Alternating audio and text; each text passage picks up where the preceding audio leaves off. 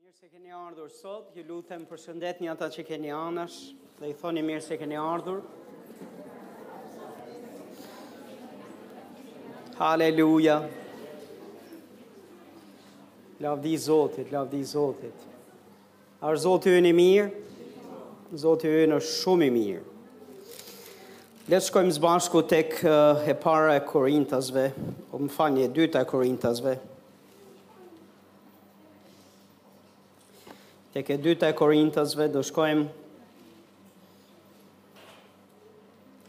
kapitulli 8 dhe do shkojmë tek vargu 9 dhe përpara se të themi një fjalë më tepër, le të kërkojmë hirin e vajosjen e Zotit për këtë shërbesë, qoftë për mua që të ndaj atë çfarë Zoti ka, qoftë për ju që ta pranoni dhe t'ju bëhet zbulesë zemre.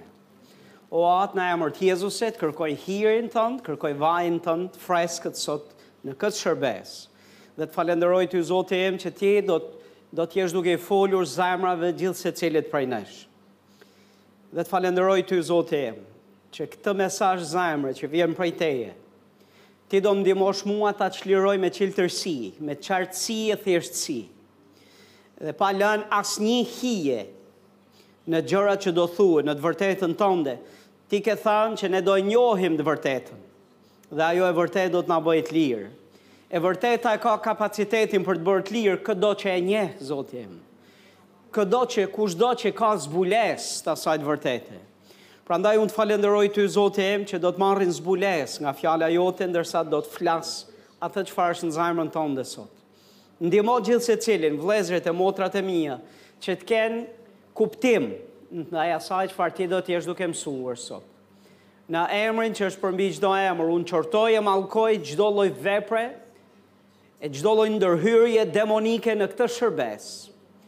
Dhe anuloj Zoti im çdo lloj strategjie demonike që përpiqet të vjedhë shpërqendrimin Dhe të bëhet pengesë për Fjalën e Zotit sot. Unë shpall liri për Frymën e Shenjtë, liri për Fjalën e Zotit në këtë shërbesë, në Emrin që është përmbi çdo emër. Dhe gjithë ne që besojmë, themi, Lavdia i qoftë Zotit. Haleluja. Oh, haleluja. Më pëlqen t'ja mbyll gojën atij që i duhet mbyllur goja, përpara se t'hapim gojën ne, e t'hapë gojën Zoti. Ar Zoti ynë i mirë. E dyta e Korintasve, kapitulli 8, vargu 9. E di, sot do të jem duke mësuar për këtë subjekt, nuk besoj se do jetë hera e fundit që do jem duke prekur e folur për këtë. Haleluja, kështu që do ju inkurajoja që të mos humbisni shërbesat që kemi në vazhdim. sepse besoj se do jemi duke, do jetë një zinxhir gjërash, një zinxhir të vërtetash që janë të lidhura ngushtë me njëra tjetrën.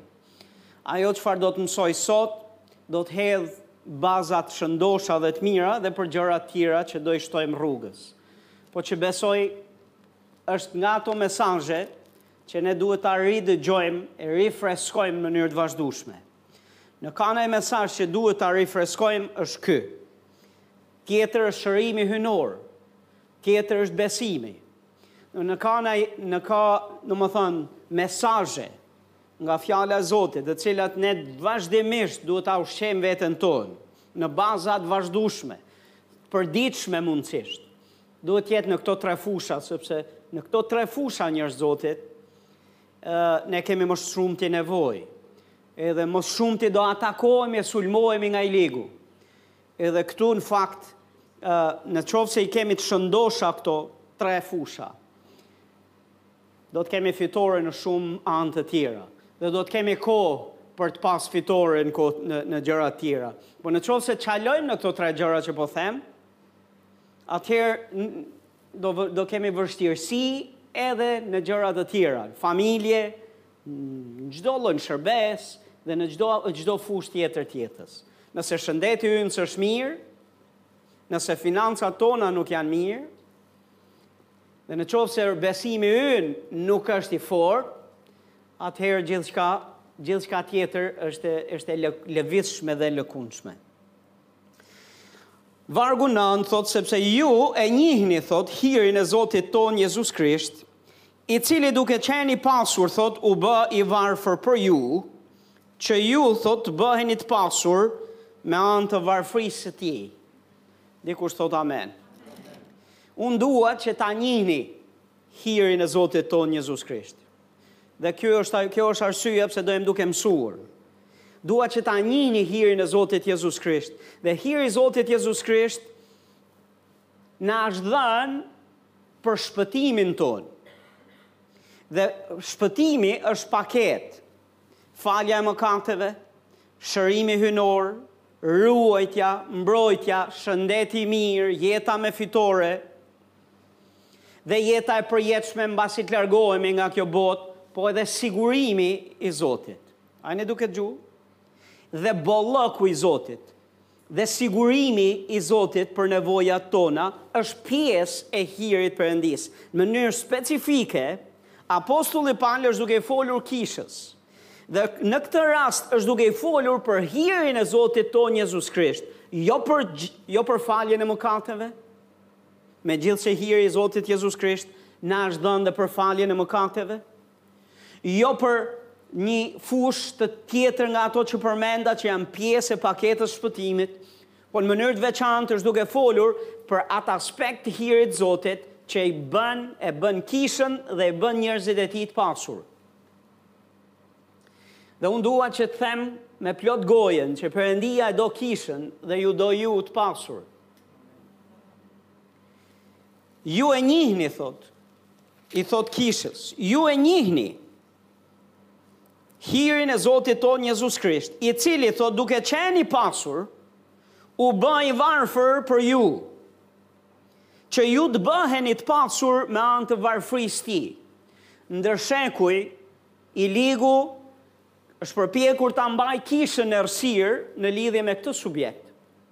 Dhe në mënyrë të vazhdueshme, edhe në mënyrë të suksesshme shumë herë, fatkeqësisht ka bindur segmente të tëra të trupit Krishtit, që është në fakt është e padrejtë, është e paperëndishme, Që të synojmë të jemi të pasur.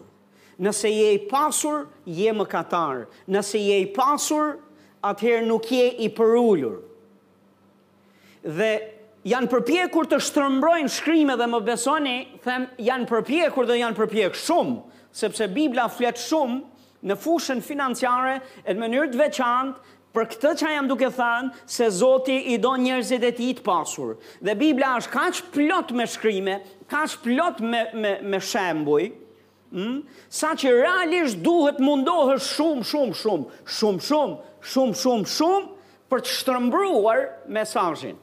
Dhe për të arritur në këtë përfundim, që Perëndia i do njerëzit e tij, Perëndia i do njerëzit e tij të përulur në varfëri.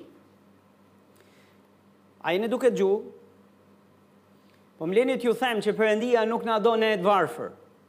Perëndia nuk e do kishën e vet varfër. Perëndia na do të pasur, na do të jemi të pasur. Dikush thotë, Perëndia më do të jemi pasur.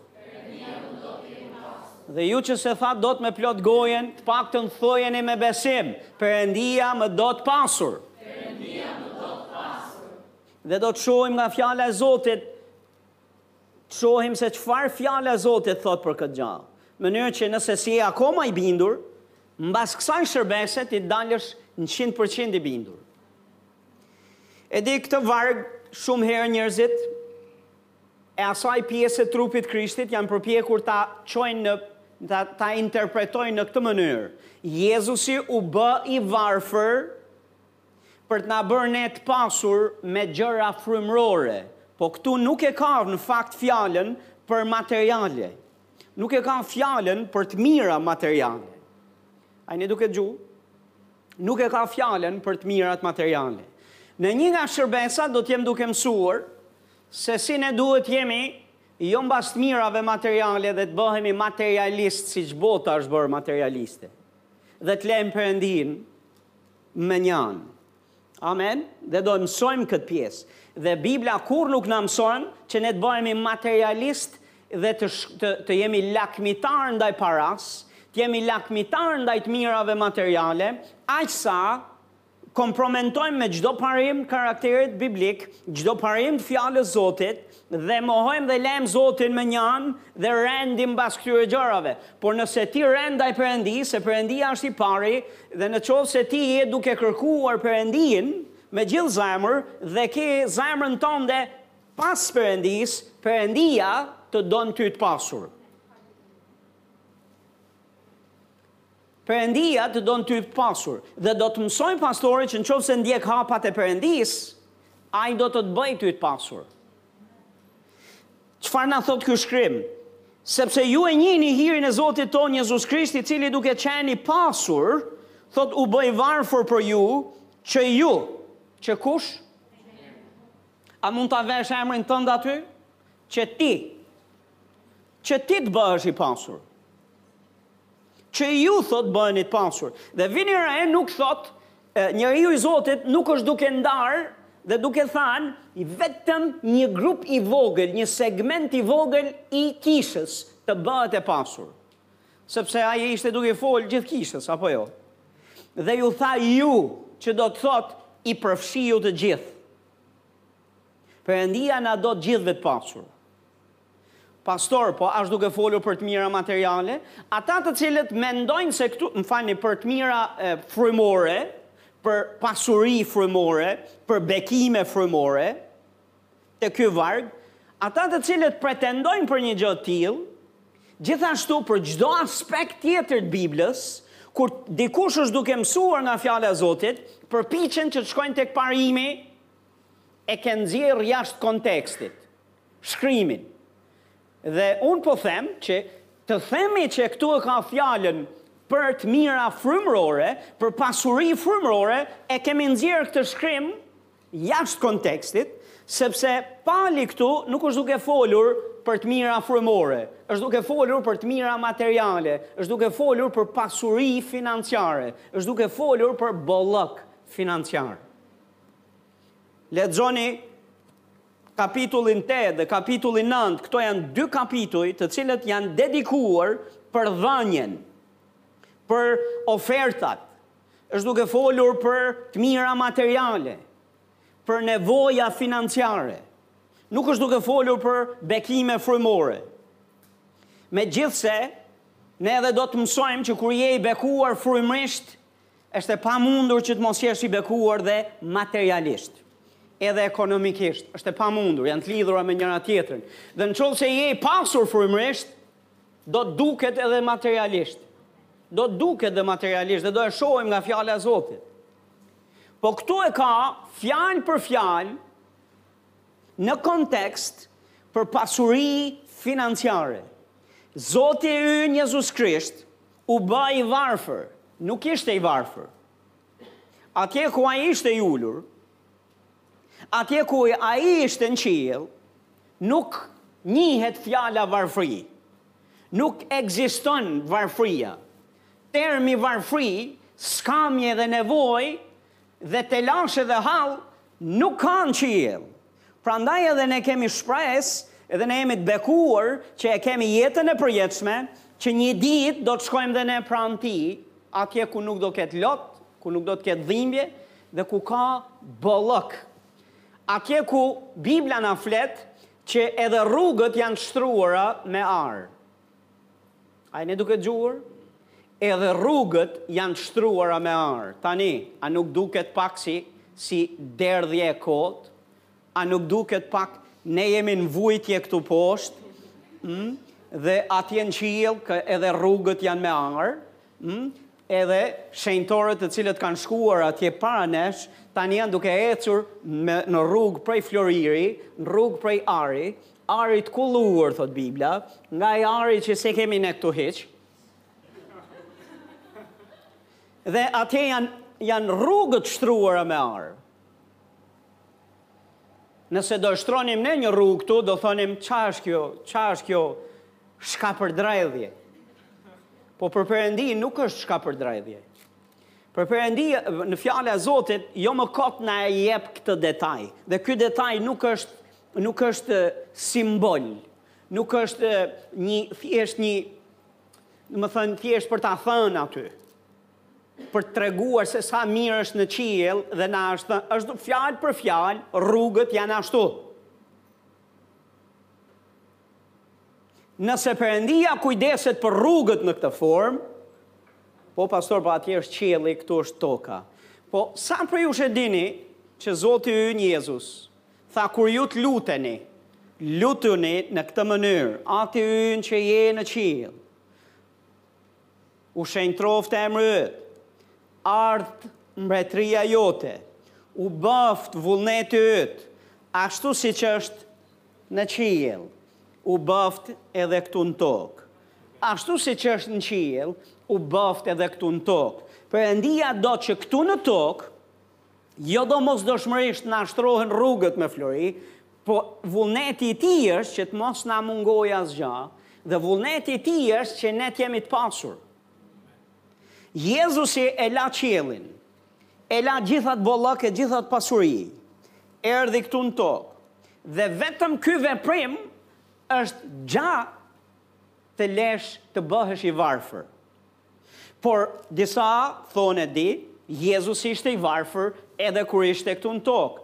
Më rezulton në fjalën e Zotit absolutisht komplet e kundërta, komplet ndryshe.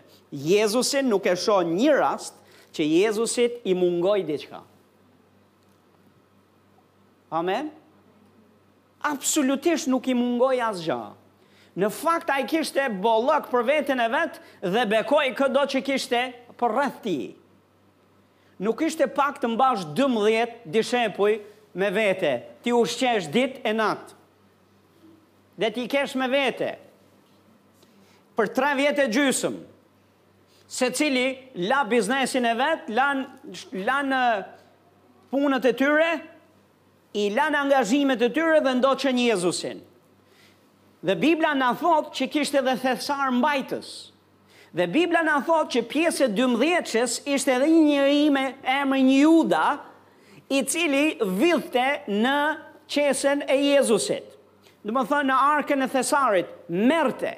Dhe merrte duhet të ketë pas aq shumë në atë arkë thesarit, sa të merrte dhe mos të binte në sy. A jeni duke dëgju, se kur ke pak, si do e marrësh atë pak, se menjëherë do dallohet se s'ka, se u mbarun, po se kishte bollak. Gjithashtu shohim raste të tipit që Jezusi tha, kur kishte nevojë për të paguar taksën në tempull, si i tha Pjetrit, Shko Pjetër, hidhe grepin, peshkun e parë që ti do të do të zesh, hapja gojën, do të gjesh një monedhë në gojën e peshkut, merr atë monedhë, ik paguaj taksat e mia, po edhe tuat. Tani sa shans dhe mundësi ka që ti të shkosh në det mes mijëra peshqve dhe ti të hedhësh grepin dhe të pretendosh që peshku i parë që do të vijë njëherë do të ketë monedhë në gojë. E dyta, sa prej jush keni dëgju që ka peshq me monedhë në gojë? E treta, sa prej jush keni, sa prej jush mund të mendoni, si ka mundësi që Jezusi e dinte që ajo monedhë që kishte peshku në gojë, kishte aq vlerë ekonomike materiale sa mund të paguante taksën edhe të Jezusit edhe të Pjetrit. Është një lëvizje e mbinatyrshme, sigurim i mbinatyrshëm nga dora e Zotit. Meqë ra fjala, meqë ra fjala, kjo është një thjesht një kthesë që do do t'ju bekojë, do them diçka që do ju bekojë. Ke plot besimtarë sot në trupin e Krishtit që janë të mahnitur përpara njerëzve të suksesshëm të biznesit dhe në fushën ekonomike. Dëgjojnë milionera dhe biliarderat e botës, ulen e i dëgjojnë për këshillat që kanë ditë e natë. Dhe janë të janë të fiksuar mbas këshillave që ata japin, me pretendimin se do të marrin diçka që do i bëjë edhe ata të jenë po aq suksesshëm sa ata. Po më lini t'ju them një sekret pastori. Dhe më lini të, do do të shkoj komplet kundër rrymës. Kjo thashë është një kthesë që do të jetë bekim për dikë që e dëgjon. Unë besoj me gjithë zemër atë ça parimi i fjalës Zotit thotë te Korintasit. Shikoni vëllezër thotë ndër ju nuk ka shumë shkolluar, shumë fisnikë. Hmm? Ka në fakt njerëz të dobët, njerëz që nuk mbahen me të madh. Njerëz jo jo dhe aq të shkolluar. A jeni duke dëgju? Dhe thotë Perëndia Dhe ka zgjedhur të marrët për të ulur poshtë, për të turpëruar, thotë të urtët e kësaj bote. Dhe më dëgjoni me vëmendje, është një gjë të ulen njerëzit e botës dhe të dëgjojnë të suksesshmit e tyre, është një gjë krejt tjetër që Kisha e Zotit të ulet dhe të dëgjojë të suksesshmit e botës dhe të përpiqet të gjejë suksesin e e jetës vet dhe rrug rrugëdaljen për mbarësi materiale dhe për t'u bërë të pasur ta gjejë tek jobesimtarët. Dhe meqë ra fjala, nuk është se çdo gjë që vjen prej tyre do të thotë se është e gabuar dhe është gabim t'i dëgjosh. Po më leni t'ju them një sekret pastori sepse besoj se në kohët e fundit Perëndia do të ngrejë disa njerëz të cilët janë të pashkolluar, disa njerëz të cilët nuk janë fisnik, disa njerëzve që nuk u jepet fare për biznes, disa njerëzve që nuk kanë as miq, Nuk kanë as shokë, nuk kanë as lidhje, nuk kanë as naj njeri në politikë që jau ka vënë dorën për t'u ngrit, e Perëndia do të bëjë ca gjëra të tipit. Shko e hidhe grepin, hapja gojën, dikush të më thot ku e dëgjon më gjeni një të suksesshëm në këtë botë që del në del në nëpër internet dhe jep këtë këshillë. Ndër këshillat njerëz që të suksesit është edhe duhet që të dëgjoni Zotin, se ai mund t'ju thotë një gjë që s'ka pikë kuptimi për mendjen njerëzore. Po më lini t'ju them, unë them këtë gjë, njerëz të Zotit, Perëndia do na do të pasur dhe modeli ynë është Jezus Krishti. Modelet tona janë në Bibël, në fjalën e Zotit. Njerëzit e suksesshëm janë në Bibël, këshillat për të qenë të pasur në mënyrën e Perëndisë ne i gjejmë në Bibël. Nuk mungon asgjë në Bibël. Kështu që sa harxhon orë e ditë e muaj duke u marrosur mbas gjërave të kësaj bote e mbas diturisë së kësaj bote, shpenzo kohë me Fjalën e Zotit, shpenzo kohë në praninë e Zotit, sepse Ai do të bëjë ty të pasur. Dhe mund të të bëjë ty të pasur në një mënyrë që do të turprojë edhe ata që janë milionerë e biliarderë. Sepse do të habiten, se do dalë ndonjëri prej jush dhe do thotë, e, unë, po rrija në shpi. Dhe jam thjesht duke rrit fëmijët në shpi. Ose jam thjesht nuk kam baru naj shkollë. Nuk kam bërë naj, nuk kam naj arsye në të natyrshmen që unë të jem kështu siç jam. Por ndërsa po dëgjoja fjalën e Zotit, ndërsa po rrija në praninë e Zotit, Perëndia më foli, dëgjova zërin e Zotit, apo Perëndia më drejtoi dhe më tha të shkoj të bëj diçka, dhe kur e bëra rezultoi dhe solli gjithë këtë benefit e gjithë këtë bekim. Dhe kur njerëzit ta shohin atë që ke bërë ti, të thonë s'ka mundësi. S'ka mundësi. Si erdhi gjithë ky bekim dhe bëre ti këtë? Ky është angazhimi që bëre ti? Kjo ky është veprimi që bëre ti? Nuk na rezulton në këshillat në në dhjetëshen e bizneseve më të suksesshme. Nuk rezulton as në njëqindshen, as në mijëshen, nuk rezulton fare. Ja që Zoti e ka në listën e vet. Dhe në qoftë se ne jemi kërkues të Zotit, gjë që kjo duhet të jetë prioritet për ne, atëherë ai do të na bëjë të pasur. Ai na do të pasur meqë ra fjala. Na do të pasur, prandaj u bë i varfër. U bë i varfër se la qiellin. U bë i varfër sepse la edhe atë pasuri që kishte. U bë i varfër sepse vdiq në drurin e kryqit. Dhe Bibla na thotë tek Galatasit 3:13, ai u bë mallkim për ne, që ne të shpengohemi nga mallkimi i ligjit.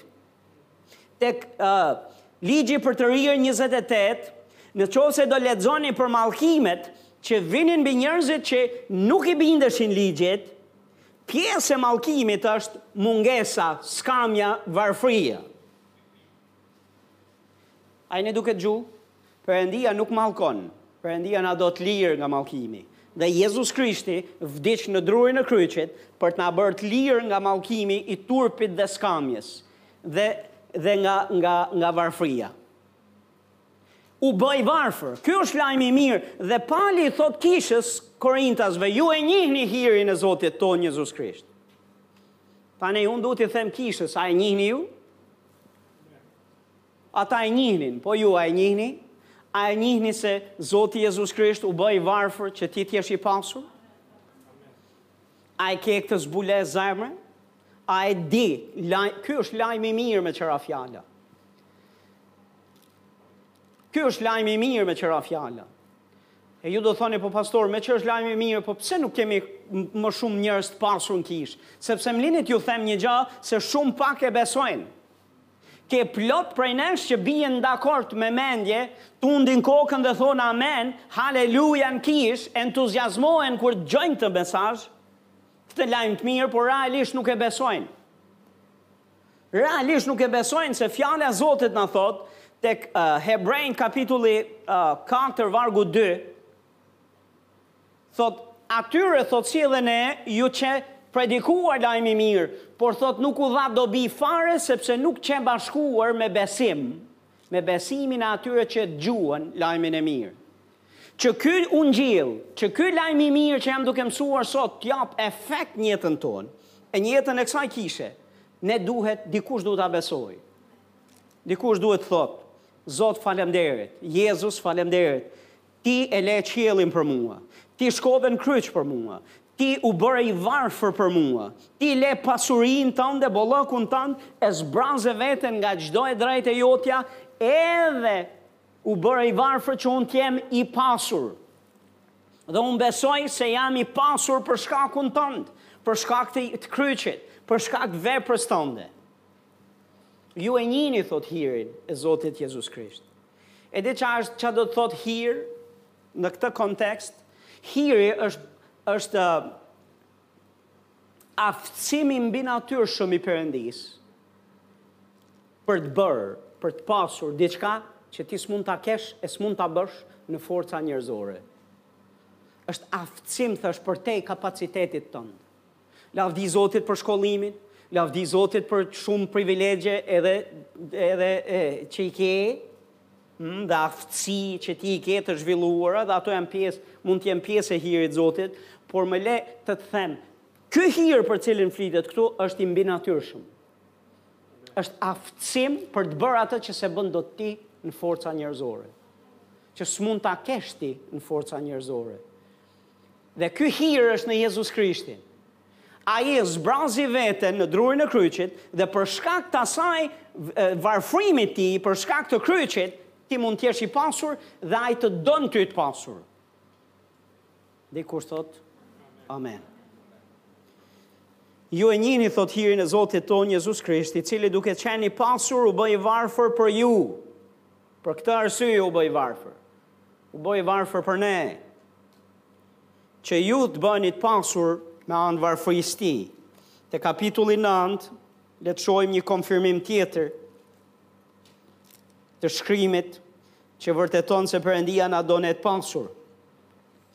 Vargu vargu 11 Shifni pjesa e parë e vargut 11 thotë, dhe atëherë do të pasuroheni thotë për të qenë dorëdhënë, duke i sjellë nëpërmjet nesh falënderim Perëndisë. Nënvizoni pjesën e parë të vargut, thotë dhe atëherë do të pasuroheni dhe atëherë thotë do çfarë?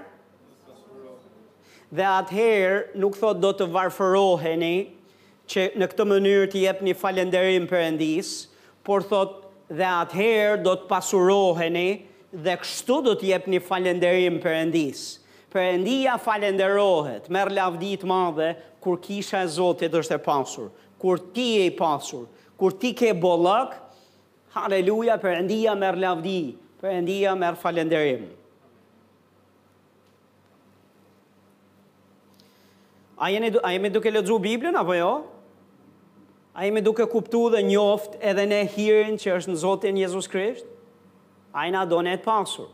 Dhe për këtë arsye, vdiq edhe në drurin e kryqit. Përpara se të vazhdoj më tutje, dua t'ju tregoj çfarë do të thotë të jesh i pasur në versionin e Perëndisë. Dakord. Çfarë do të thotë të jesh i pasur? Sepse, për shembull, në qoftë se mendojmë për pasanikët e kësaj bote, do thonim, nëse je milioner, je pasanik. Dikush tjetër, nëse je bilioner, je i pasur. Po në mbretërinë e Zotit, si, cili është versioni? Më le të të them një gjë, ti mund të jesh, dikush mund të jetë milioner dhe të jetë në mungesë.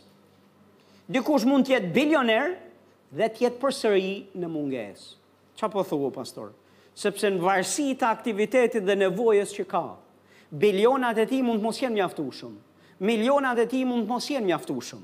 Megjithëse kur i mendon dikush që s'ka fare, thotë, "Wow, ajo është të jesh, të jesh domethënë milioner, të jesh bilioner." Po, pyetja tjetër që kam për ju është sa biliona duhet të ketë një njeri që të quhet i pasur? A e dini që të pasurit e kësaj bote kalojnë në biliona, në triliona e me radhë dhe përsëri, përsëri janë duke kërku, e duke kërku, e duke kërku. Deri ku është pasuria? Më le të të shpjegoj pak pastori, biblikisht çfarë besoj unë se çfarë do të thotë të jesh të cili është përkufizimi biblik i të qenit i pasur.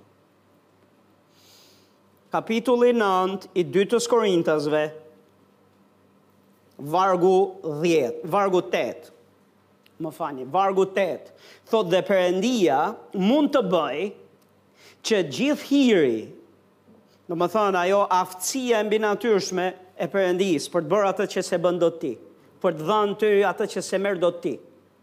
Thotë Perëndia mund të bëjë që ky aftësim i mbinatyrshëm të teprojë, thotë për ju. Çfarë thotë? Të teprojë për ju, t'ju jepet ma shumë se ç'keni nevojë. Asht kështu? Të teprojë do të thotë të jetë më shumë se sa mjaftueshëm. Keni dëgju termin biblik në Fjalën e Zotit, psalmisti Davidi thotë kupa ime po derdhet. A e keni dëgju apo jo? Kupa ime po derdhet. Kupa jo, kupa e Zotit gjithmonë derdhet. Dhe ajo që derdhet është shenjë bollëku, shenjë teprice. Dhe Zoti nuk e qun shkapërderdhje atë gjë, Perëndia e qun bekim. Amen. Jep me tepri.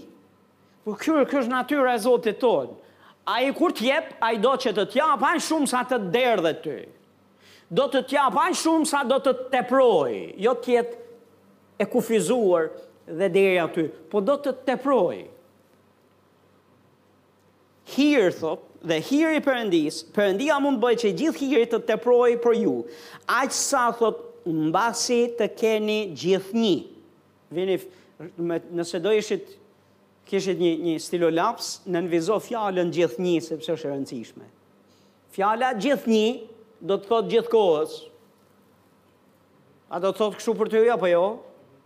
Më gjithmonë. Në çdo në çdo kohë. Thotë mund të bëjë që hiri i tij të teprojë për ju. Aq sa mbasi të keni, jo të keni mungesë, po mbasi të keni thotë gjithnjë dhe thotë mjaft në çdo gja. Le të themi mjaft në çdo gja. Domethanë, Perëndia është duke thanë këtu. Perëndia bëka që hiri i tij të teprojë për ne, aq sa mbasi të kemi gjatë gjithë kohës mjaft t'na mjaftojë në çdo gja, jo vetëm në një fushë, po në çdo gja. Nuk e lë veç me aq. Thotë tjetrën, t'ju teprojë për çfarëdo pune të mirë. Domethënë, Zoti do që t'i plotësojë nevojat tona, të gjitha mjaftueshëm, dhe mbasi t'na i plotësojë këto nevoja, thotë do t'na teprojë edhe për çfarëdo Pune të mirë. Jo vetëm për një punë të mirë, po çfarëdo lloj pune të mirë. Dhe Perëndia do që njerëzit e tij të jenë aq të pasur, aq të bekuar sa mos t'u mos t'u kalojë asnjë rast pa u përfshirë dhe pa qenë bekim. Nuk do që të jetë një rast ku të themi, shiko, kjo që kam, Është mjaftueshëm veç për mua. E, ose, është mjaftueshëm, kam dhënë te kjo, te kjo vepër e mirë, po nuk mund të jap dot te kjo vepra tjetër e mirë. Jo, jo, thotë, për çfarëdo vepre të mirë, që do të thotë, për çdo lloj vepre të mirë, Çdo lloj rasti dhe mundësie që duket se është vepër e mirë, Perëndia do që njerëzit e Tij të kenë mjaft në çdo gjë gjithnjë dhe t'ju ketë tepruar për të gjitha veprat e mira. Çdo lloj vepre e mirë që është e mirë atje, Ai do që të kemi, që të themi po, do jap këtu, po, do jap edhe këtu, po, do jap edhe këtu, po, patjetër edhe te ajo tjetra atje. Tani thotë Perëndia mund të bëjë, është i aftë të bëjë. Mundet ta bëjë. Po pse nuk e bën Perëndia atëherë këto? Do të jemi duke mësuar pse nuk e bën Perëndia këto. Se ai është i aftë ta bëjë. Ai mundet ta bëjë këto. Po pse nuk e bën? Njerëz të Zotit, pikësëpari ta heq këtë nga rruga që që ta heq nga mendja juaj, sepse nuk është problemi nga ana e Zotit. Problemi është nga ana jonë. Problemi është nga ana e kishës. Dhe në qoftë se ne do mësojmë me kujdes, do heqim çdo lloj kufiri, çdo lloj kufizimi, çdo lloj pengese dhe do e lëmë këtë hir të Perëndisë që të na mbulojë, që të ne të kemi gjithnjë, mjaft në çdo gja dhe të na teprojë për çfarëdo vepre të mirë. E di, nuk e mbaj mend një herë që do bënim një konferencë në, në Tiranë. Dhe mora disa pastorë kishash nëpër Shqipëri, mora në mënyrë të veçantë njërin, miki imi, e marr në telefon dhe i them, ne do kemi këtë shërbesë këtu, dhe do jemi duke, duke i besuar Zotit për financa dhe mbështetjen e kësaj shërbese. Dhe ajo çfarë jemi duke kërkuar është që çdo pastor e çdo kishë të marrë një ofertë. Të marrë një ofertë edhe të mbështes pikrisht këtë shërbes. Dhe ishte shërbes, ishte bekim për trupin e Krishtit, ishte bekim për Shqipërinë, ishte nga ato që ishte e dukshme që është vepër e mirë. Dakor? E di se çfarë dëgjova nga ai pastor? Më tha, "Më fal, Unë nuk mund t'i them Kishës dhe nuk do t'i them Kishës që ata të japin në këtë në këtë shërbes. Me thot sepse u bë u bë kjo që kam një muaj që kemi pas 2-3 raste të tilla dhe e kam lodhur Kishën së dhëni Domethënë, kemi pas disa vepra të mira me pak fjalë, në të cilat i kemi thënë kishës jep këtu e jep atje e jep këtu, dhe kisha nuk është në gjendje që ta bëjë këtë gjë. A thua se ajo çfarë unë thash ishte kisha jote do ta mbulojë shpenzimin atje. Dhe kur flitet për të dhënë një ofertë, Njerëz të Zotit, gjithnjë ajo çfarë ne kemi ndër mend është të japësh nga zemra jote, nga një zemër bujare dhe nga ajo çfarë ke, jo nga ajo çfarë s'ke. Dhe i drejtuar nga Zoti. Por njerëz të Zotit, të japësh Perëndisë dhe të japësh në shërbesa e në vepra të mira nuk është se humbet ti. Në fakt do humbësh në qoftë se ty s'të jepet rasti dhe shanci dhe mundësia që ti të japësh. Po ça tregon kjo pastor? Kjo tregon pastor mendësinë e vogël, këtë të ngushtë të shërbysëve. Dhe imagjino tani, nëse kjo është e shërbysit, imagjino tek besimtarët e thjeshtë në kishë. Një herë tjetër mblodhëm një ofertë për një shërbysë të Zotit. Dhe nuk e harroj kurrë, domethënë, reagimin e një individi, e një sekretare e një kishe, që i kishte mbledhur lekët e ofertës që ishin mbledhur për t'ja dhënë e dorëzuar kësaj shërbysje të Zotit që na kishte bekuar frymërisht. Dhe ishte një shumë prej ça të them unë, po e them, mbi 500-600 mijë lekë Ishte mbledhë oferta e njerëzve të Zotit për ta nderuar atë shërbyse. Kishin dhënë nga zemra e tyre. Dhe uh, sekretarja ishte e irrituar. Dhe ishte e mërzitur pse duhet t'i jepet gjithë kjo shumë një shërbysje të Zotit. që në fund fundit nuk ka hargju më shumë se sa një orë, a një orë e gjysmë, duke na mësuar fjalën e Zotit. Dhe pse duhet t'i japim? Plus që kjo shërbesë e Zotit është e huaj, dhe ata të huajt në fakt i presin me gërshërë atje. Kam shku pastori disa herë jashtë Shqipërie, kam kërkuar atë pemën e dollarit, nuk e kam gjetë. Në fakt e kam gjetë në Amerikë me një vend. Ishte një dyqan që quhej Dollar Dollar Tree. Pema e dollarit, po aty ishte më shumë për të shkuar, edhe aty ishte për të dhënë.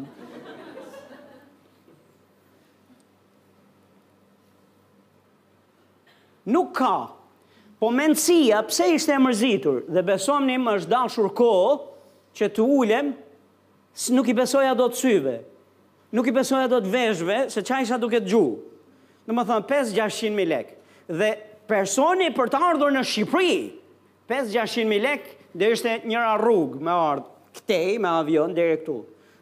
Për të shkuar andej, imagjinoni se kush i Jo, me not.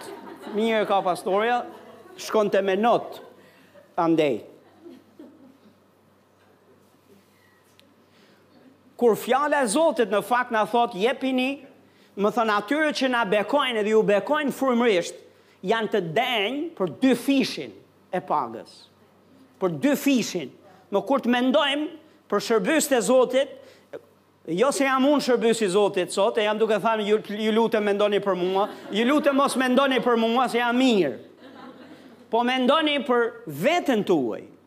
Mendoni për parimin e Biblës. Nëse doni të pasuroheni apo jo, doni të jeni të pasur apo jo, doni që ky hir të veprojë apo jo, do t'ju mësoj pastori rrugën. Është pak rrugë kështu me kalldrëm për ca që s'janë mësu, që s'janë mësu dhe nuk u pëlqen me ecë. Por besomni, është rrugë e sigurt drejt bekimeve të Zotit. Unë isha kaq i gëzuar që domethënë kisha pas, kam mbledhë këtë ofertë dhe në fakt po mendoja si t'i shtoj edhe naj gjo më shumë. Po mendësia e vogël, mendësia e ngushtë.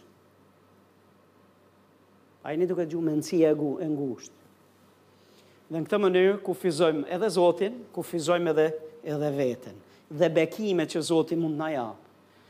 Dhe ideja ishte që me një shumë të tillë, kjo me, me një shumë të tillë një kishë ia del për një muaj. Dhe e di, një prej kishave që ja dilte për një muaj, me aq lek besomëni dy muaj kisha jo në Thumanë. Kisha jo në Thumanë, dy muaj. Do ja dilte. Po ne nuk ecim me, nuk ecim me këtë parim, ne ecim me parimin e fjallës Zotit dhe bindjes ndaj fjallës Zotit. Amen. Amen.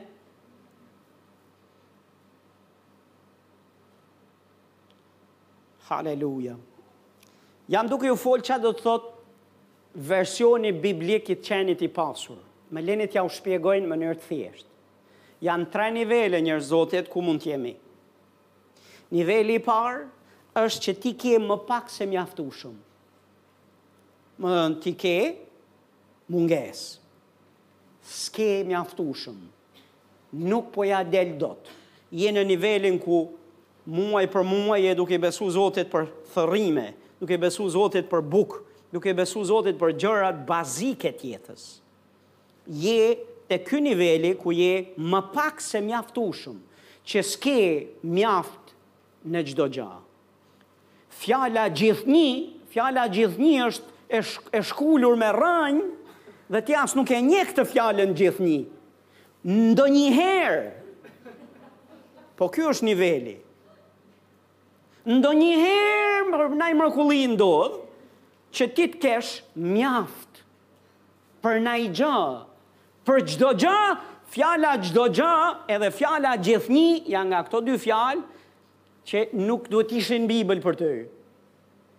Për disa. Niveli i parë më pak se mjaftueshëm. Që do të thotë nuk të del për vete. Niveli i dytë është kur ti ke mjaft gjithnji në çdo gja. Shumica e kishës akoma s'ka ardh te ky nivel. Shumica e kishës, jam duke thënë nga ana globale, nuk po flas për kishën shqiptare. Jam duke fol për kishën në tërësi. Shumica as këtu nuk janë. Kanë tek tuk në ndonjë gjë sigurim mjaftueshëm, por jo gjithnjë dhe jo në çdo gjë. Ky është niveli i dytë. Niveli i tretë, njerëz Zotit, më dëgjoni me vëmendje, niveli i tretë është që ti të kesh me tepricë. Më ti të kesh mjaft në çdo gjë, gjithmonë dhe niveli i tretë është të teproj për çdo vepër të mirë. Ajo që ti do je, je duke je duke dhënë dhe duke mbështet Në çdo vepër të mirë, në çdo punë të mirë, në çdo gjë të mirë që Bibla të drejton ty për të dhënë. Ky është niveli i tretë. Dhe më njerëz Zotit, kjo do të thotë të jesh i pasur. Dhe të jesh i pasur në Zotin do të thotë të jesh te ky niveli i tretë. Ku ti ke me tepricë. Ku ti ke thashë me tepricë. Aq sa mbasi ke mjaft në çdo gjë, gjithmonë të tepron për çdo vepër të mirë. Dhe këtu nuk mund të fusim shifra, miliona apo miliarda. Në nivelin ku ti je, ti mund të mos kesh nevojë për miliarda dhe miliona, po ti ke mjaft për çdo gja në të cilin ti je në nivelin ku je dhe të tepron për çdo vepër të mirë. Është ok edhe pse s'ke miliona. Megjithëse Perëndia nuk e ka problem të kesh miliona, nuk e ka problem të kesh biliona. Perëndia në fakt do të të çojë te ky nivel i tretë dhe për mua niveli i tretë i të qenit i pasur në sytë e Zotit është që për ty s'ka limite. Për ty s'ka kufi. As miliona, as miliarda. Për ty s'ka kufi. Për çdo vepër të mirë, hiri i Zotit do të jetë për ty aty. Që ti të japësh. A më dëgjuat? Dhe Perëndia do që ti të vish te ky nivel i tretë. Për këtë Jezusi vdiq në kryq. Dikush thotë amen. Tani njerëz Zotit, nuk ka dënim nëse jemi te niveli i parë, ku jemi, ku s'po ja dalim dot, ku jemi në nevojë, ku fjala gjithnjë dhe në çdo gjë Janë dy fjalë që nuk i veç i dimë se ekzistojnë, po nuk i shohim të realizuar. Dakord? Nuk është nuk ka pse të kthehet në dënim, por ti duhet t'i besosh Zotit që të ngjitesh nga ky nivel, të kalosh te niveli i tretë. Dhe të kalosh te i treti, duhet të kalosh te i dyti. Dakord? Të kalosh te i dyti, mbas të dytit kalon te i treti. Ama duhet t'i besosh Zotit dhe duhet të ndjekësh hapat e Perëndisë që ti të kalosh tek niveli i tretë, i të qenit i pasur. Dhe pastori do t'ju mësojë se si ngjiten këto shkallë. Dakord? Do jem duke mësuar për këtë gjë. A jeni duke më ndjek apo jo? Perëndia na dashka të pasur. Thashë Perëndia na dashka të pasur.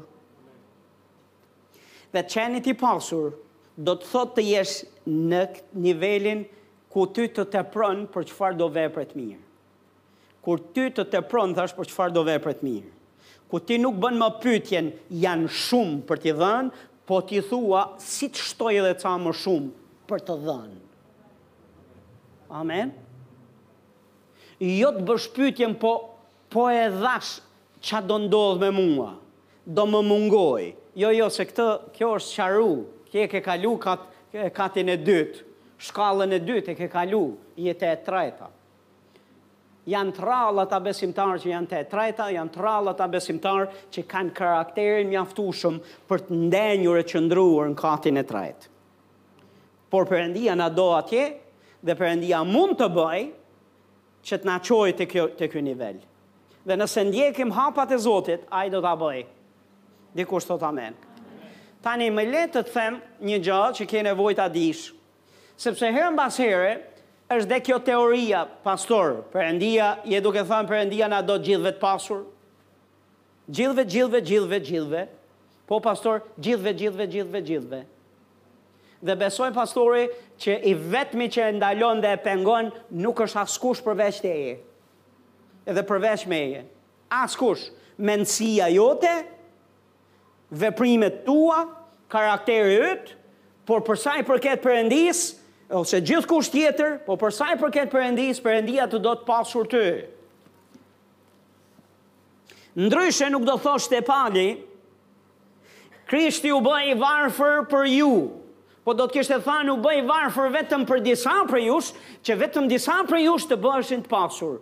Besomëni e kam pa dhe në origjinal, nuk, ashtë, nuk, nuk, nda, nuk bën ndasi disa.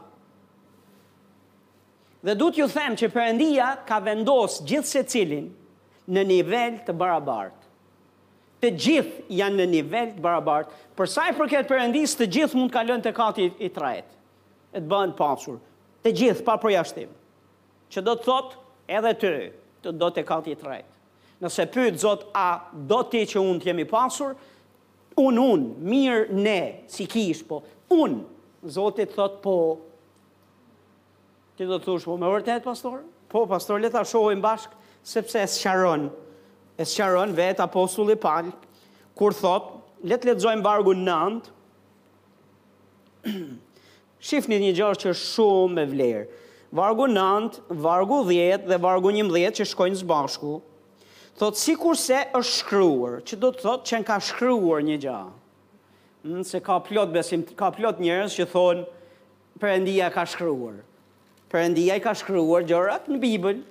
Jashtë Biblës nuk ka shkruar gjë. Në rregull?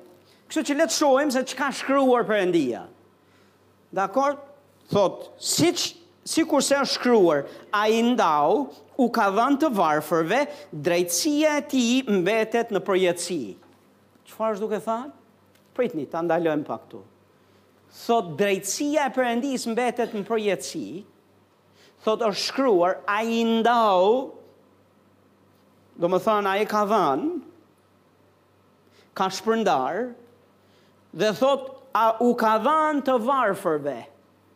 E di kush janë të varfrit? Versioni biblik janë ata të cilët rrinë te kati i parë, që ju përmenda unë ma heret, që ka, janë ma pak se mjaftushëm, A jeni duke dëgju dhe që s'ia dalin fjala gjithnjë dhe në çdo gja nuk nuk është pjesë e fjalorit. Dhe fjala e Zotit është duke thënë këtë gja. Ai thot ndau iu dha të varfërve. Këtyre që janë këtu te, te shkalla e parë, iu dha thot dhe drejtësia e tij mbetet për jetë.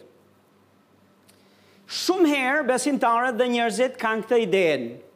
Ah, sikur të kisha lindur në familjen e Bill Gates, sikur të kisha lindur në Amerikë, sikur të kisha lindur në Zvicër, sikur të kisha pas prindrit e mi pasanikë të mdhenj, atëherë do kisha shanse.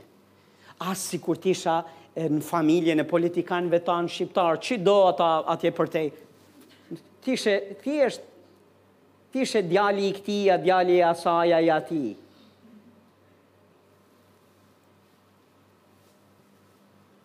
A jeni duke dëgju? Sikur.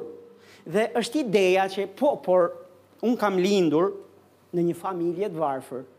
Unë kam lindur në një zonë të varfër të Shqipërisë. Unë kam lindur në Shqipëri, ku ka tmerrësisht kufizime dhe probleme ekonomike. Ku ka korrupsion, ku nuk të le kush që të hecësh përpara e të jesh i pasur. A jam duke gju, nuk njoh njeri.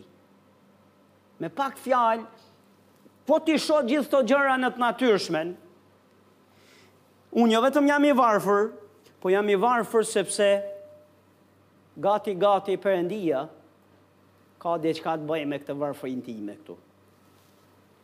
Dhe më le të të them një gjë, Perëndia është i drejtë. Dhe Perëndia thotë ndau dhe i dha të varfërve, u ka dhënë të varfërve një gjë, çfarë është është i drejtë, që do të thotë ai do do ishte e padrejtë që Perëndia të, kër, të synojë, të kërkojë që të varfrit të bëhen të pasur nëse s'u ka dhënë një gjë. Do ishte një pretendim i marrë për të varfrit që janë n'kushtet që sapo thashë unë, të pretendojnë që një ditë do të dalin që aty edhe pse kanë lindë në një fis, në një familje, në një komb, në një fshat të kësaj natyre. Por kemi arsyje për të pretendur. Pse sepse thotë Perëndia mbetet i drejtë. A e dini Perëndis askush s'mund vijë te Perëndia dhe të thotë unë do bësha i pasur Zot. Po të ishe tregu i drejtë me mua. Po të më kishe dhënë. Po të më kishe lindur. Po të më kishe përkrahur. Po të kishe bërë këtë e po të kishe bërë atë. Jo, Perëndia është i drejtë dhe do mbetet i drejtë dhe të ka dhënë në fakt dhe i ka dhënë gjithkujt dhe i ka dhënë të varfërve një gjë dhe i ka dhënë në fakt ekzaktësisht atë që e aftëson për t'u ngjitë nga varfëria te niveli i tretë e për të qenë i pasur. Dhe arsyeja njerëz e Zotit pse të varfrit mbeten të varfër është sepse nuk e vënë n'punë, nuk vlerësojnë, nuk ia dinë vlerën asaj që Perëndia ua ka dhënë, nuk e dallojnë fuqinë e asaj që Perëndia në fakt i ka dhënë. Dhe në qoftë se ia dinë vlerën, fuqinë dhe e vënë n'punë, është çështje kohe. Është çështje kohe. Çështje kohe. Kur ti do të jesh nga i varfër, Te niveli i dytë, ku ke mjaft në çdo gjë, në nivelin e tretë, kur të tepron për çdo vepër të mirë. Thjesht çështje kohe. Po ça është ajo gjë që Zoti i paska dhënë të varfërve, se s'i paska lënë të varfërit pa ju dhënë një gjë? Shi se ça ju ka dhënë. Ja çfarë thotë Bibla. Edhe ai që jep farën mbjellësit dhe bukë për të ngranë, ju dhantë dhe shumoftë farën tuaj dhe i baftë të rriten frutet e drejtësisë tuaj. Dikush thotë amen. Tre, shifni tre gjëra që Bibla flet këtu. Thotë ai që jep farën mbjellësit, ça jep? Kujt ja jep farën? Kujt ja jep farën? Kujt ja jep farën? Në rregull. Thotë ai thotë që i jep farën mbjellësit dhe bukë për të ngrënë. Domethënë çfarë ju ka dhënë të varfërve? Se kjo është ajo kon, lidhja e kontekstit. Të varfërve ju ka dhënë këto dy gjëra. I ka dhënë farën për të mbjellë dhe i ka dhënë edhe bukë për të ngrënë. Po pastor po unë shoh njoh të varfër që s'kanë bukë për të ngrënë. Atëherë Perëndia është i padrejtë. Jo, Perëndia është shumë i drejtë. Dhe meqë ra fjala, më le të t'jap një sekret dhe të ta them, të ta them kështu shqeto. Nëse ke mungesë buke, je duke vujt për bukë. Shiko se nuk je mbjellës. Po jo se Perëndia nuk siguron. e nuk kujdeset për bukën. Është premtim nga Fjala e Zotit, që Ai që është mbjellës, këto dy gjëra nuk kanë për t'i mungu, këto dy gjëra i jepen e sigurohen nga Zoti, fara dhe buka për të ngrënë. A do që të mos mungojë buka, o? mos vush për bukë. Ta heqim këtë nga rruga një herë, se një pjesë e kishës vunë për bukë. Merre këtë zbulesë, pastor. Ji dhënës, ji mbjellës, ji bujar. A është e padrejtë që Zoti të pretendojë nga i varfri që të japë? Nuk është e padrejtë sepse ai vetë po të jepka. No ai vetë të jepka edhe farën për ta mbjellë edhe të jepka edhe bukë për të ngrënë këto dyja të jep prandaj nuk është i padrejtë dhe është aq i drejtë e aq i mirë sa asnjë prej nesh nuk mund të pretendojë dhe t'i thotë zotit zot këtë që lindi te në shpinë e filanit Ky pat shance dhe u bë i pasur, po unë që linda atje, këtu atje? Jo, ti që linde këtu atje, ke shance të barabarta edhe me atë që për momentin është aty sepse ka lindur aty e për arsye të tjera. Cili është shanci i barabartë? Shanci është i tillë, farën që Zoti po të jep, nëse do ta mbjellësh, ka për të të çu nga niveli i varfërisë e do të bëjë të pasur. Por shumë besimtarë nuk ja dinë vlerën farës, nuk ja dinë rëndësinë farës dhe farën e hanë vetë. Dhe pastaj mbeten edhe pa farë, mbeten edhe pa bukë. Edhe vuajnë nga muaj në muaj dhe sillen rreth rrotull dhe barku ju dhemb barku vijnë edhe kishë. Dhe akoma ju grryn zorrët sepse s'kanë ngrënë bukë. O pastor, ndrysho pastor, dhe Zoti do të të ndihmojë, do të japë dhe bukë për të ngrënë. Vëre në provë, edhe shif nëse Zoti s'do mbet, s'do jetë i drejtë me ty. Bëje provë një muaj, jo ma shumë, s'ke nevojë. Një muaj, vëre në provë, ji dhënës. Ji bujar, jepe jepe të dhjetën dhe ofertën çoje në shpinë e Zotit, në të mungoftë buka hajde mas një muaj fol me pastorin dhe më bind. Më bind. Dhe po të garantoj pastori që nuk do të jetë kështu. Sepse Zoti është i drejtë. I do të varfrit. Me tjera fjalë, Zoti i do të varfërit, i deshi aq shumë sa vdiq në kryq për ta, që t'i nxjerrë nga varfëria e vet, t'i nxjerrë nga skamja e vet, nga borxhet e veta, t'i lirojë nga turpi i të mospasurit. I do të varfërit dhe i do që të jenë të pasur. Dhe ka hir të mbinatyrshëm për t'i nxjerrë nga aty lart. Ama si e bën? Jepka këto gjëra. Jepka farën, jepka dhe bukën. Dhe shih se çfarë lutje bën Pali për kishën e korintasve.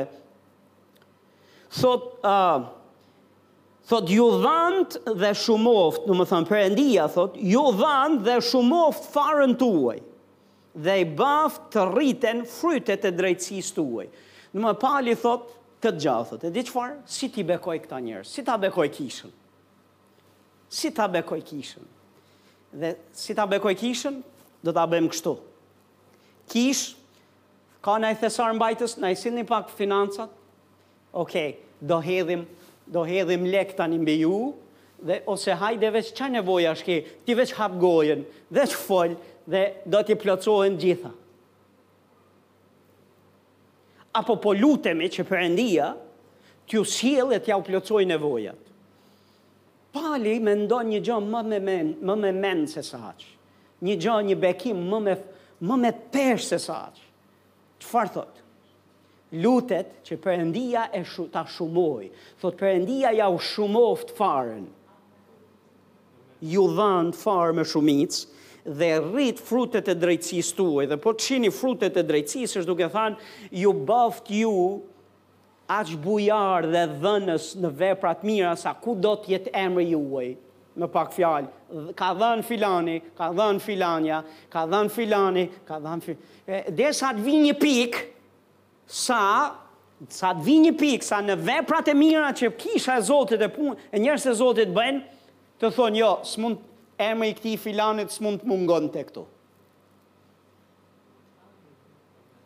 sepse e di që do ta bënte. E di uh, njoh dikë me uh, Irakliun, sa për ju s'e njihni Irakliun.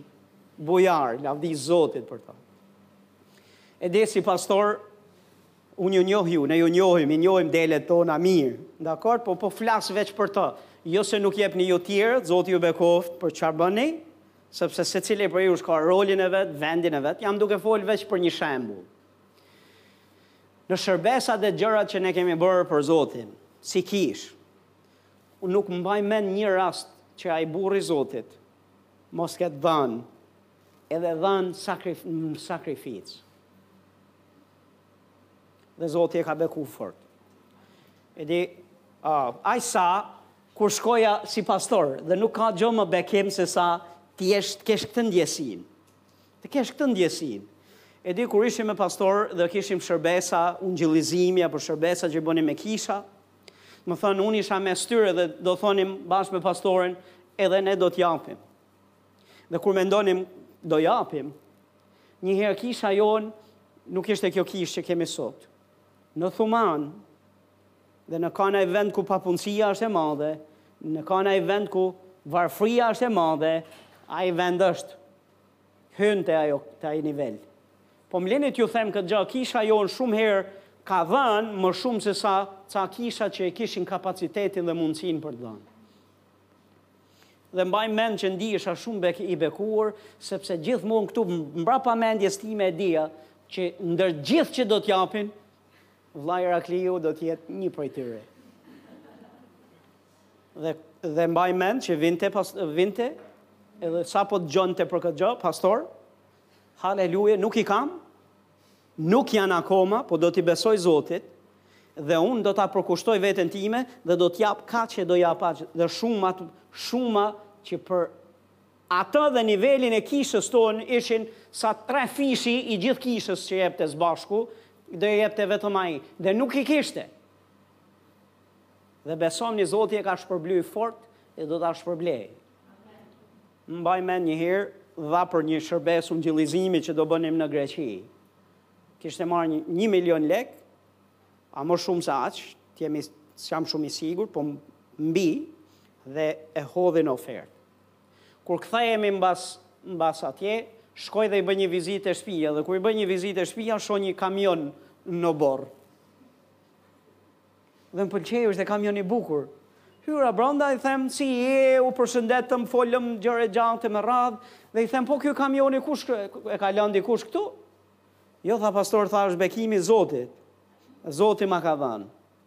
Dhe tregoi mënyrën se si Zoti ia kishte dhanë. Ishte një një një një kamion që kushtonte shumë, e kishte blerë shumë më pak lek, gati gati falas. Perëndia ia kishte kthyer shpërblimin në një kohë rekord, në një kohë shumë të shkurtë. Në një shërbesë kishe, në një shërbesë kishe, Zoti më foli kur po jepnim Zotit ofertën, dhe Zoti tha dikujt do t'i jepen 200.000 lekë të vjetra, sot Në këto ditë, ditë e diel, do të, Zoti tha, do t'ia jap dhe do t'i vijnë në një mënyrë nga ku individi nuk e pret. Po nuk është se është në pritje për to, unë do t'ia jap. Por, kjo shumë nuk është për ta. Kjo është fara në duart e tij. Edhe unë do t'i tregoj se kujt duhet t'ia jap. Dhe ky ishte mesazhi që, që Zoti më dha atë ditë. Dhe mbas shërbesës, edhe vetë unë isha me mendjen ngritur, për një javë me mendjen ngritur, ok, se ishte e rrallë një fjalë, një fjalë e kësaj natyre. Dakord, mesazh i tillë. Dhe një javë më vonë, hm, vjen vëlla Irakliu. Dhe thotë, pastor, Zoti m'u përgjigj mua. Thotë Zoti, thotë atë ditë, më solli kaq lekë sa the, m'i solli nga një burim ku unë nuk e prisja, dhe sapo i mora këto lekë, Perëndia më drejtoi dhe më tregoi dhe kujt t'ia jap, tha dhe unë iu binda Zotit. Dhe i thashë, lavdia i qoftë Zotit, tashi prit bekimin e Zotit. Tashti mezi pres që të shoh bekimin e Zotit. Dhe më lini t'ju them se cili ishte bekimi i Zotit. Kishte disa kohë që i besonte ishte duke i besu Zotit për një, kam, për një kështu eh, eskavator. Dhe për një pjesë të kishës këtu kanë qenë në, në kohën e lutjes, kur për herë të parë e hapi gojën dhe na kërkoi të lutemi. Dhe kur e hapi gojën në atë kohë, tha, eh, a mund të lutemi që nëse Perëndia do, Të ma japë një eskavator, të ma japë. Dhe m'u desh të kthehem dhe t'i them, Perëndia do. A mund t'i besojmë ne? Dhe po i besonim Zotit. Dhe ndërkohë që po i besonim Zotit, diku nga rruga nuk do hyj në detaje, po vjen një herë dhe më thotë, pastor, kam gjetë një mënyrë se si ta blej eskavatorin. Dhe kur më tregoi mënyrën se si, Ishte e dukshme që Perëndia nuk ishte fare në të. Ishte e dukshme që ishte një prodhim mishor sesa që ishte bekimi i Zotit. Dhe në fakt, po e shihja që ishte duke ecë në një shteg që do të sillte shumë dhimbje. Dhe m'u desh t'i them, pastor, ky nuk është Zoti, ti duhet ta abortosh dhe lësh në mes këtë këtë këtë punë. Dhe atij i ishin, domethënë, si puna jonë nganjëherë kur na, ka hypë adrenalina në maksimum. Tashmë ne jemi fiksuar se kemi ëndërruar se si do lëvizë ai eskavatori. I kemi bërë gjitha planet se ç'bunkera do thynim e ç'gjëra do bënim atë eskavator. Domethënë ishin punët gati, çdo gjo, pastor, si ta lë, pastor. Thashë pastor, unë jam pastor për ty, lëre, se Zoti do ta bëjë një rrugë. Dhe ky burri i Zotit e la në mes. E hoqi dorë nga ajo mënyrë e vet dhe do i besonte Zotit dhe do priste për rrugën e Zotit. Asnjë muaj mbasi i dha 200.000 lekshin që ju thashë. Zoti e solli eskavatorin, edhe boti punë, e bleu eskavator të dytë, edhe kisha shpërtheu në bekime financiare dhe... po them, jo veç ai, e familja e tij, po u bekuam të gjithë. E jam duke ju thanë që Perëndia mund ta bëjë këtë me ne. Dhe, dhe nuk e bën veç një herë. Po ai e bën në mënyrë, ai do që të jetë stil jetese për ne. Ne të jemi gjithmonë te niveli i tretë. Dhe jo të biem te niveli i, i niveli i fundit. Amen. Njerëz të Zotit, kisha pesë arsye për t'ju treguar pse na do Zoti të pasur. Kështu që ato pesë arsye, hajde dëgjojini një herë tjetër. Le të çohemi në këmbë.